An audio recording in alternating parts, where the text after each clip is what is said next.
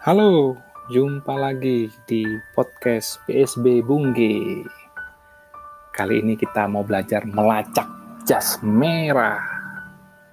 Kita belajar dari Nehemia 7. Dalam Nehemia 7 ada penjelasan tentang silsilah dari orang-orang Israel yang pulang dari pembuangan.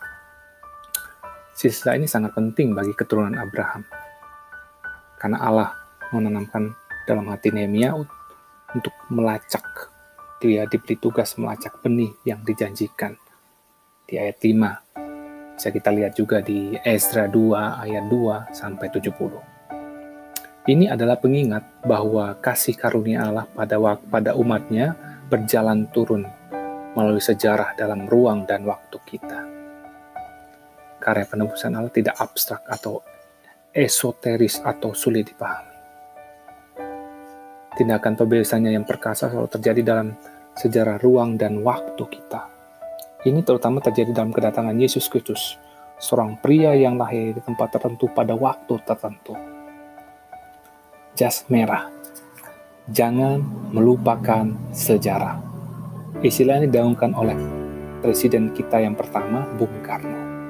Istilah ini juga diterapkan ketika kita melihat sejarah hidup kita. Bisa diterapkan di ketika kita melihat sejarah hidup kita pribadi, keluarga kita, teman-teman dekat kita, atau gereja kita.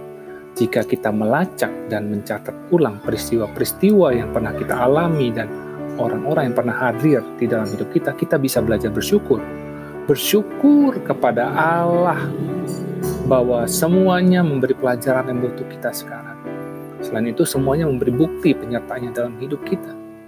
Kiranya kita tetap menjaga iman bahwa Allah tetap bekerja dan menyertai kita sepanjang waktu, termasuk di waktu-waktu yang sulit saat ini.